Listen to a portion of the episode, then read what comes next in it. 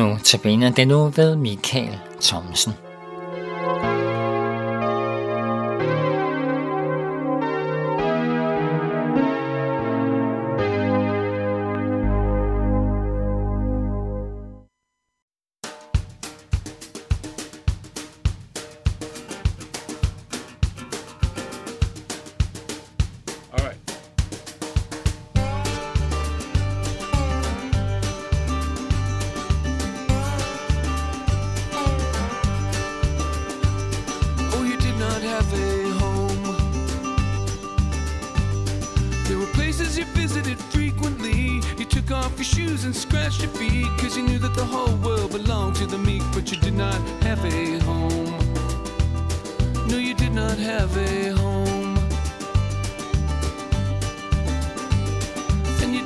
Take a wife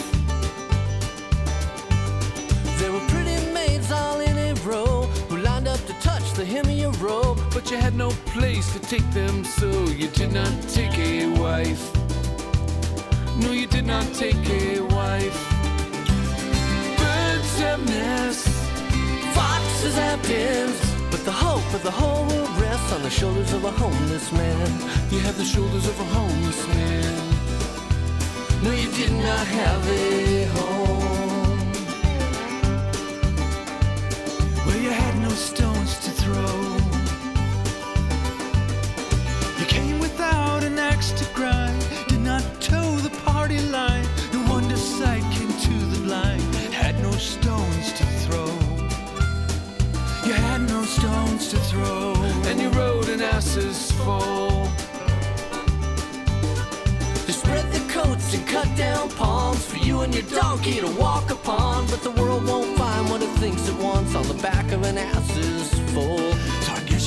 to get sold.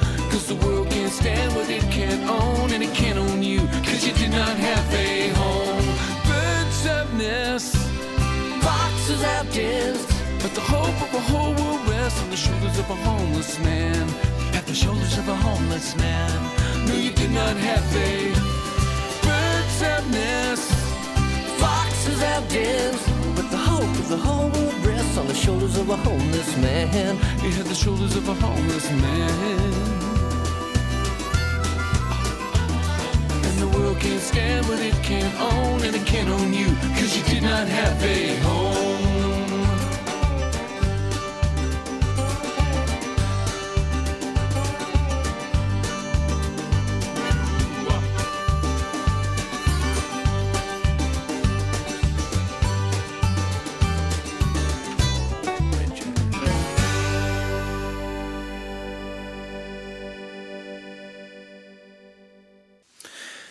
Velkommen til Notabene.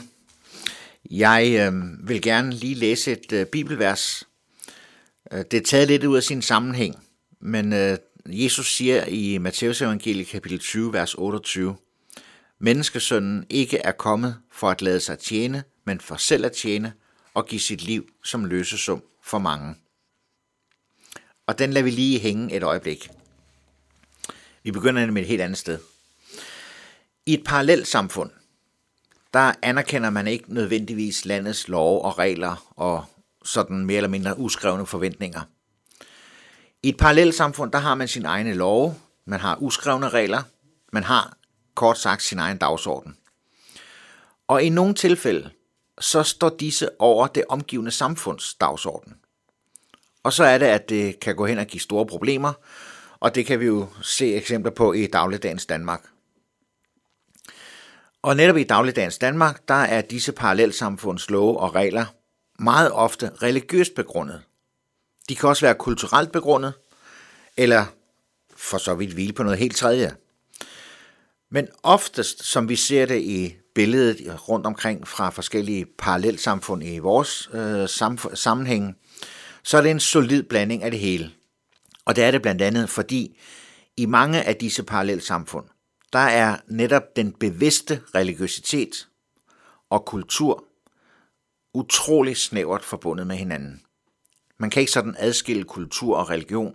Det, det er vævet sammen som en helhed. Og sådan er det ikke i det traditionelle danske samfund. Okay, Jeg medgiver, at det kan godt være, at meget af vores kultur bygger på kristen kultur og på det gamle testamentlige lovkompleks. Men der er altså ikke mange af os, der går rundt og tænker på, at vi ikke må og vi skal gøre, fordi det står i Bibelen. Tværtimod, så har vi i dagligdagen meget ofte en skarp adskillelse mellem samfundets love og eventuelle religiøse bestemmelser. Og hvis man har lyst til, eller tendenser, eller hvad det måtte være, til at have religiøse bestemmelser og love osv., ja, så bliver de oftest betragtet som hørende til privatsfæren. Du må ikke stjæle ned i din lokale brus, fordi man må ikke stjæle. Men hvor mange af os tænker videre, fordi det har Gud sagt. Og når vi for tiden spritter af her og der og alle vegne, når vi har mundbind på i den offentlige transport, ja, så er det jo fordi Sundhedsstyrelsen har sagt det, og vi kan få en bøde, hvis vi ikke gør det. Det er jo ikke fordi Gud har sagt, at vi skal passe på hinanden. Derfor kan der meget vel ske det, at man som et bevidst kristen troende menneske er nødt til at leve i og indrette sig i et parallelt samfund. Der er øh, således et dagens Danmark, og så er der et kristligt trosliv. Og fordi, i hvert fald endnu, at der er rigtig meget af vores, vores samfund, der udspringer af en kristen kultur, så er der rigtig mange berøringspunkter, hvor det ikke går hen og bliver til noget særligt stort problem. For vores bevidste kristenhed og vores samfund støder ikke mod hinanden i nær så mange sammenhænge, som for eksempel islam og så dansk kultur kan gøre det. Så for langt de fleste af os, der går det faktisk meget nemt at være et bevidst, troende kristent menneske i et samfund, der ikke definerer sig ved religiøs lovgivning. Det går nemt også, fordi vi har så heller ikke særlig mange specifikke kristelige leveregler.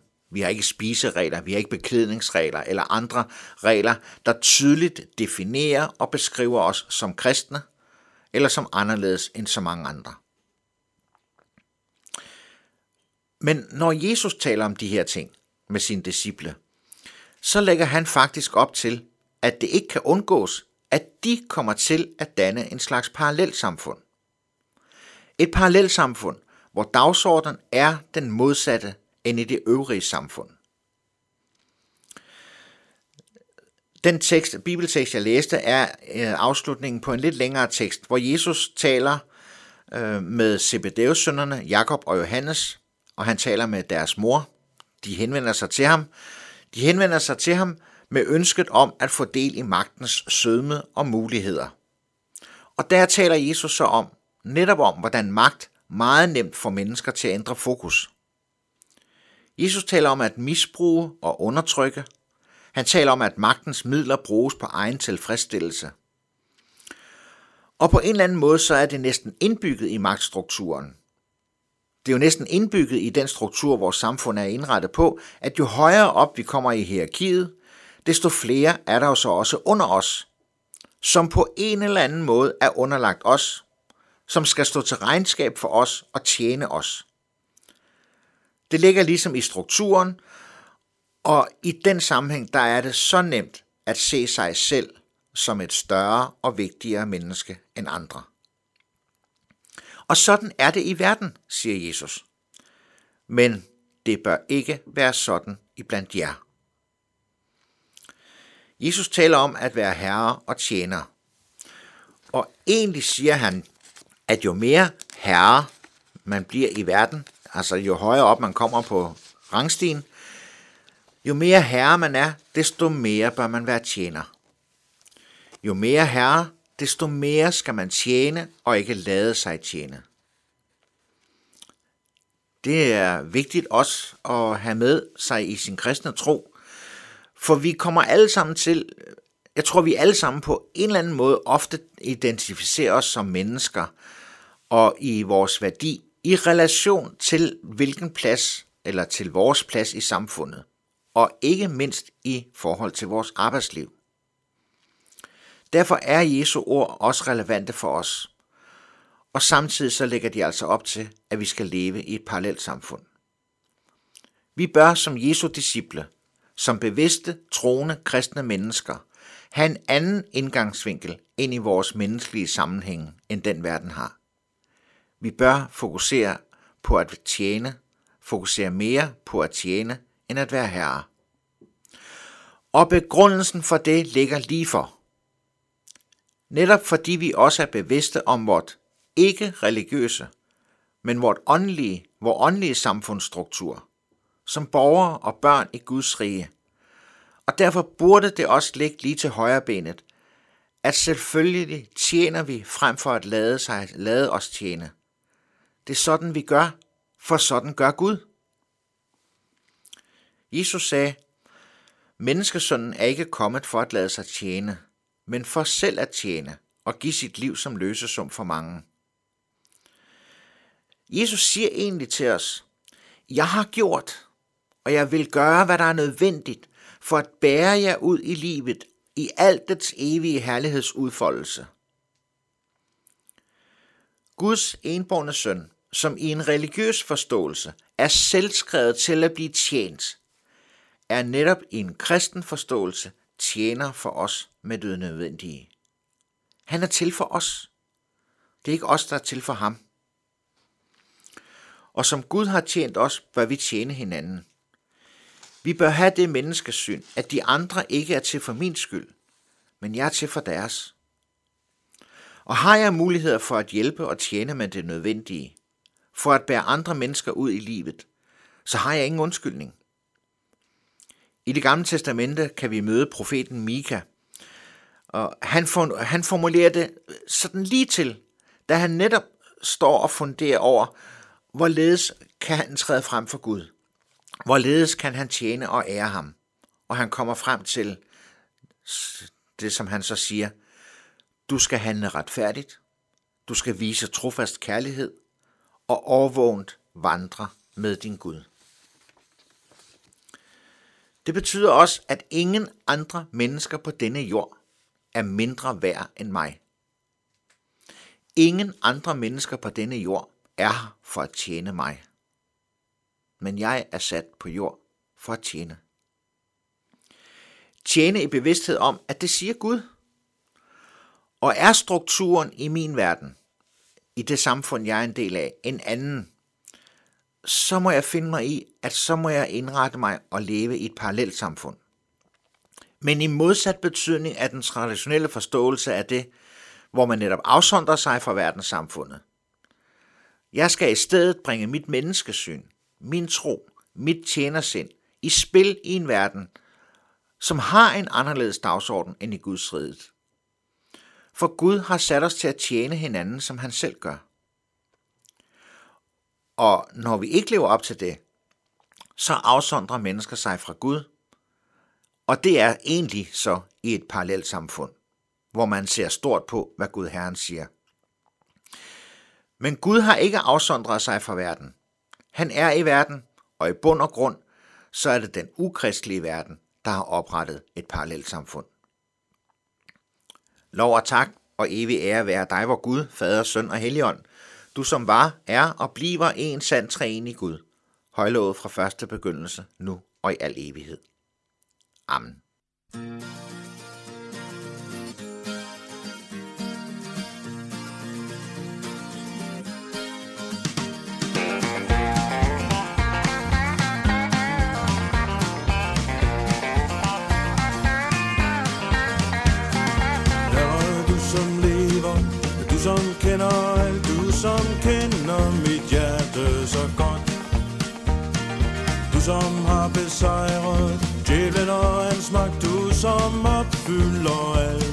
sang der. Lær mig at elske, ved søster, ved bror, lær mig at se. Kraften i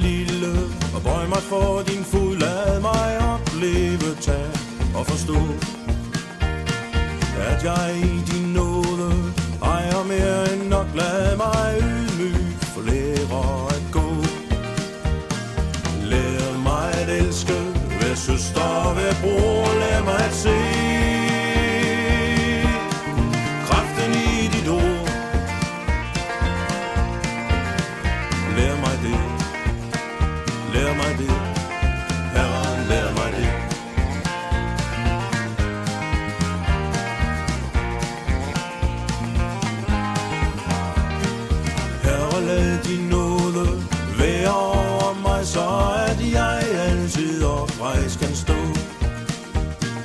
Når jeg møder modgang, så på min vej kan jeg altid i bøn til dig gå. Lær mig at elske, hvad søster, ved bror, lær mig at se. Kraften i dit ord, lær mig det,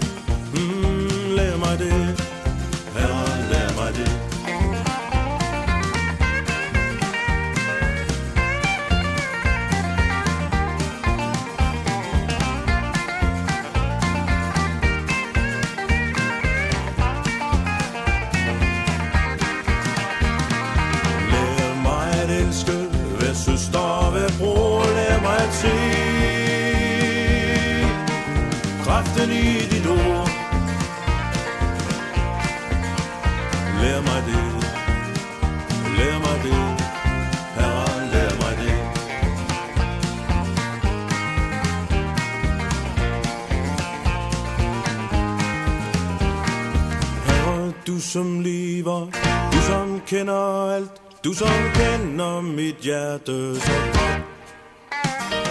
Du som har besejret djævel og hans magt, du som opfylder alt, der var sagt. Lær mig at elske, hvad søster, hvad bror, lær mig at se. Kraften i